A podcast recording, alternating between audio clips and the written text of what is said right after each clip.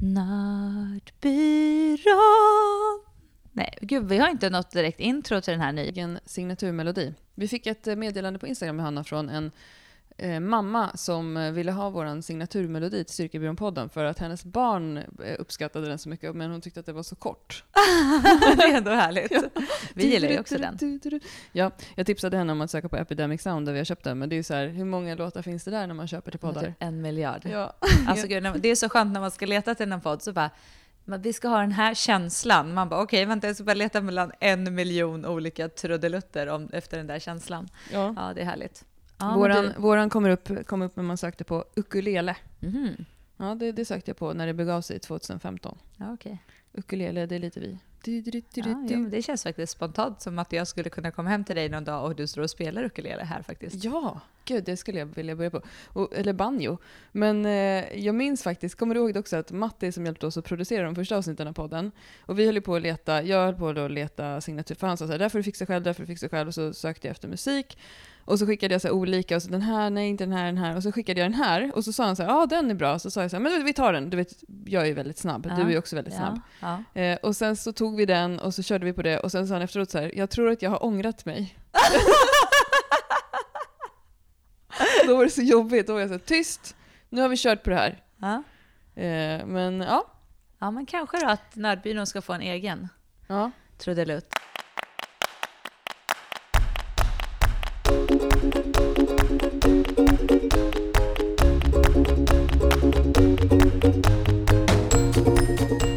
Idag Johanna, välkommen till Nördbyrån. Tack. Eh, så har jag tänkt att vi ska prata om en ny studie som har eh, gjorts på knäböj, din nya, nygamla favoritövning. Ja, den har liksom kommit tillbaka, någon kärlek till den nu. Mm. Vad kan det bero på? Att jag är starkare igen? Ja, att du gör böj. Skräll? Ja, men det är ju det. Skräll. Det är ju det liksom. Jag Ja. gör böj och vad händer? Jag blir starkare och vad händer då? Det blir roligt. Ja, Alltså, så är det ja. ju. Ja, eh, böj, jag älskar också böj. Jag känner liksom, jag hade lite ont i knät förra veckan och så blev jag lite deppig och sen så gick det över. Det första jag gick och gjorde var böj. Ja.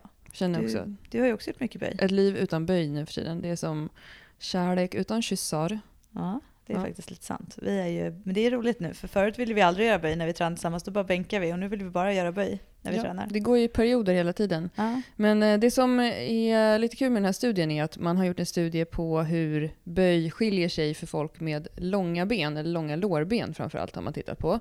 Och eh, vi har ju eh, i många år sett att det har kommit många olika studier när det gäller böj. Och ofta när man läser en forskningsstudie på någonting så är det ju någonting som, det här är någonting som du och jag redan har beprövat i gymmet med våra klienter, som den här studien tar upp.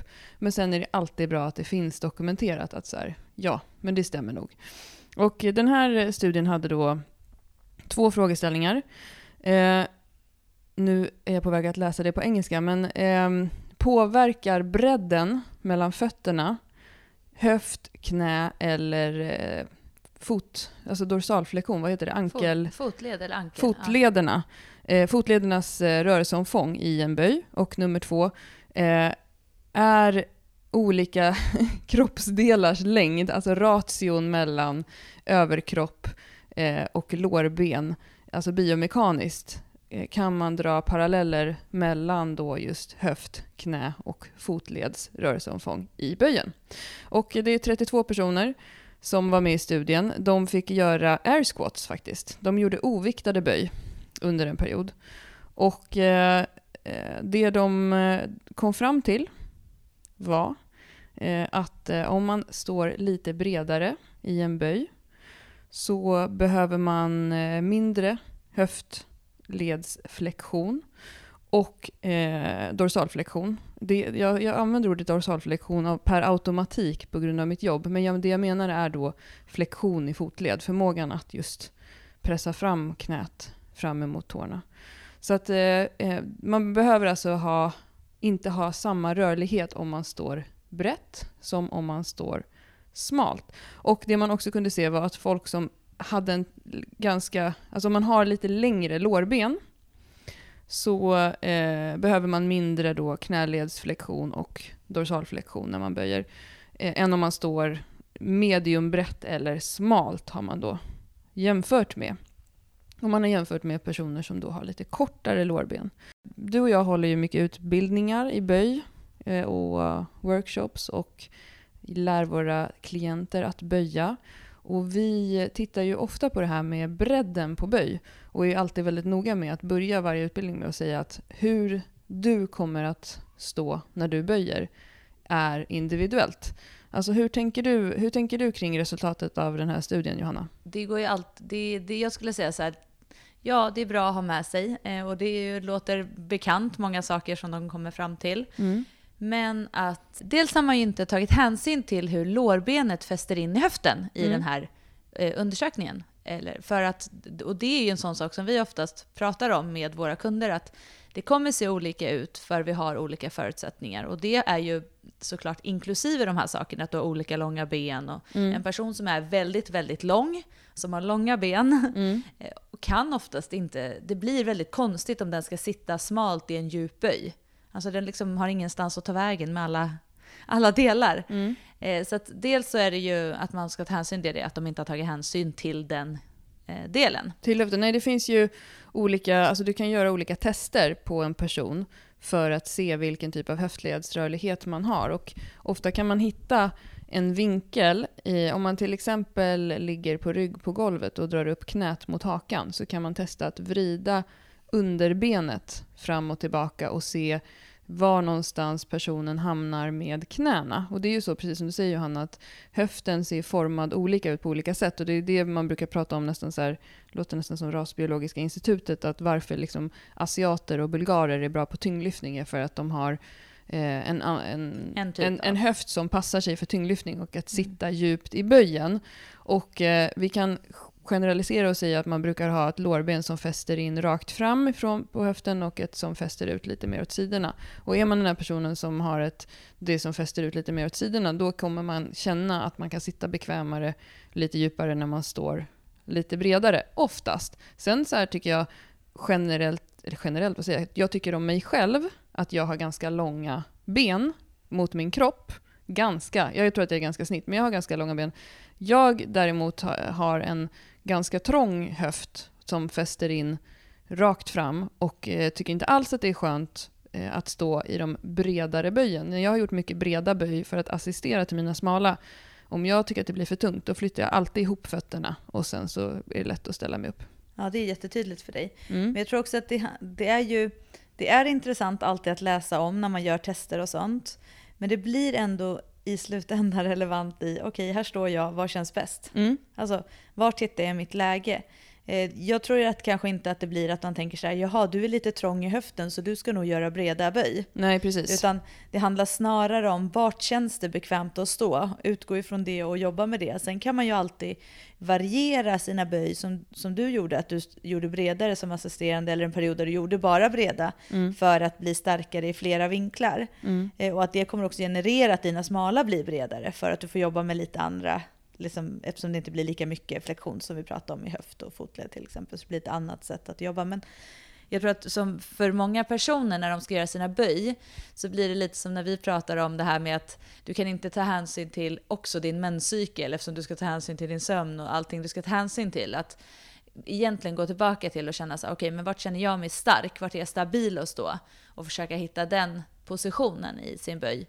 Men eh, jag, när, jag, när jag jobbar med mina kunder, och det gör ju du också, men när vi jobbar med våra grupper så är det ju just att vi testar oss fram. Vi låter alltid dem få börja och stå där de tycker att det känns bra. Och då ser ju vi oftast lite hur de rör sig. Mm. Och då kan det vara många gånger, skulle jag säga, snarare att folk flyttar isär fötterna än att vi flyttar ihop dem. Ja, det känns ju ovanligare att så, ha som jag, att man gillar att stå Ja, smalt. det är inte, jag skulle inte säga att det är jättemånga. Det, det brukar vara någon enstaka då och då i våra grupper som är, som är smalböjare, som Mm. verkligen står så här med fötterna rakt fram och axelbrett typ mellan fötterna. Ja. Eh, och som är väldigt starka där. Men eh, sen så är det också så här lite att är man van att böja på ett sätt så kan det också ta ett tag innan innan man känner att man blir stabil på ett annat sätt, även om det kanske egentligen är för den personen mer gynnsamt att stå kanske lite bredare. Ja. För det kan man ju ofta se på rörelsen, det är det vi tittar på, hur ser rörelsen ut? Okej, men när du står sådär smalt så händer det här. Medan när du flyttar isär och kommer bak lite med rumpan och hamnar in här, då får du en mycket bättre position till exempel i din rygg. Ja. Och då är det klart att då kan det kännas väldigt konstigt när man gör förändringen, men om man kanske börjar träna så, så kommer man känna i längden att att, eh, att det blir stabilare och att det blir bättre i, när man ska lyfta tungt. Ja, så en aspekt att ta hänsyn till är verkligen också erfarenheten och att böja mera. Och många som kommer på våra grupper, de, eh, som är, de som är helt nybörjare, de har ju oftast en fotposition eh, och ett sitt, eh, både oviktat och med stång på ryggen, som kanske är lite mer skrangligt och vingligt och vint och fötterna pekar åt lite olika håll och sådär. Men ju mer man böjer och ju mer vältränad man blir så kommer man få en annan böjstil och då kanske det är dags att flytta in eller ihop. Eh, och sådär. Men precis det du säger Johanna, hur, alltså hur ska man då veta Ehm, alltså folk kan ju inte gå och göra Craigs test som det heter när man har en klient som ligger på mage och så känner man på trokanten, alltså höftkammen för att känna var... Man kan inte göra det på sig själv och det gör ju inte vanliga personer överhuvudtaget. Och även om vi gör det på någon då och då på en grupp som du säger så vet vi inte exakt hur den personen kommer böja heller. Men hur ska man då eh, tänka kring sina egna böj. Jag tänker på det du sa det här med rörelsen. Alltså vi, vi brukar ofta titta på sidan vad som händer i en böj. Ja, men där om man tittar på sig själv från sidan, så det vi pratar om och det som, om man tar liksom hänsyn till principerna, liksom det här med att tyngdpunkten i mitten och så vidare, att stången, den, vi vill ju att stången ska gå så rakt upp och rakt ner som möjligt. Mm. Det är den mest ekonomiska vägen för stången att gå. Det vill säga, släpper jag en stång kommer den falla rakt ner. Så när vi gör våra böj så vill vi att stången ska gå rakt upp och rakt ner. Yep. Den ska inte ta massor med omvägar. Så tittar man på sig själv från sidan så kan man se så här, vad händer med stångbanan under mina, min rörelse. Mm. Och det är en sån sak som oftast vi tittar på. Och där kan det oftast vara så att om man bara korrigerar lite bredden på fötterna eh, och, ska jag lägga till, att hitta sin egna tyngdpunkt. Att in, liksom, för det kan bara vara ibland att man inte har hittat den. Men framförallt just att att hitta en stans där stången har bäst förmåga att gå rakt upp och rakt ner. Mm. Eh, att det blir, en, skulle jag säga, en gynnsam position att börja och jobba i. Och sen är det som du säger, ju mer böj man gör, desto mer kommer man också jobba med rörelsen, nervsystemet, men också att bli rörligare i böj. Alltså du blir ja. rörligare om du gör knäböj. Och här är en sak som jag tycker var lite negativt med den här studien då. Det är att de gjorde oviktade böj ja. under studien. Därför att det är ju väldigt vanligt att folk på våra grupper får en bättre böjstil och när de får en eh, stång på ryggen med lite vikt på. Och då tänker jag till exempel på det här med när de har tittat på hur mycket man eh, lutar sig framåt i böjen. Det blir ofta en skillnad när du har en vikt på stången. Det är ju absolut så att folk faller fram när de köttar upp ett maxlyft om de har en tung vikt på ryggen. Men i, ofta så kan man behöva en motvikt för att få lite bättre balans. Eh, och eh, generellt så brukar man säga att gör man breda böj, sitter bak mer, blir mer höftdominant, eh, kanske inte då behöver lyftarskor, då brukar man också ha en lite större framåtlutning. Men det jag skulle komma till, som du pratade om, det här med att man hade vikt eller inte, mm. är ju också om du tittar på en person som gör och det här vet man inte heller hur de har tagit hänsyn till, en böj utan någon stång eller någonting, eh, hur mycket man också fokuserar på eh, få, alltså anspänningen i kroppen. Att det blir så här, och hur, mycket, hur anspänd är du jämfört med om du har en stång? Så att jag håller med om det. Det blir lite konstigt. Om man ska titta på riktigt skulle man ju vilja att de ändå får ta i och ha en viss procent kanske som de jobbar med, där de ändå behöver anstränga sig ja. för att få en mer så man säga, korrekt rörelse, skulle jag säga. Precis. Det är lättare att, eh, att skapa ett större tryck i kroppen om du har lite vikt på kroppen. För mig blir det väldigt tydligt och om jag gör air squats att om jag står bredare så kommer jag nästan inte ner under parallell. Står jag smalare så kan jag sitta med rumpan i golvet. Så där kan man ju testa lite själv. Men som du sa innan Johanna, det behöver inte betyda att du ska stå exakt så när du böjer med stång. Nej, och man ska också komma ihåg det här som vi pratar om nu, att man har höften som eh, fäster in på då framförallt mm. två olika sätt.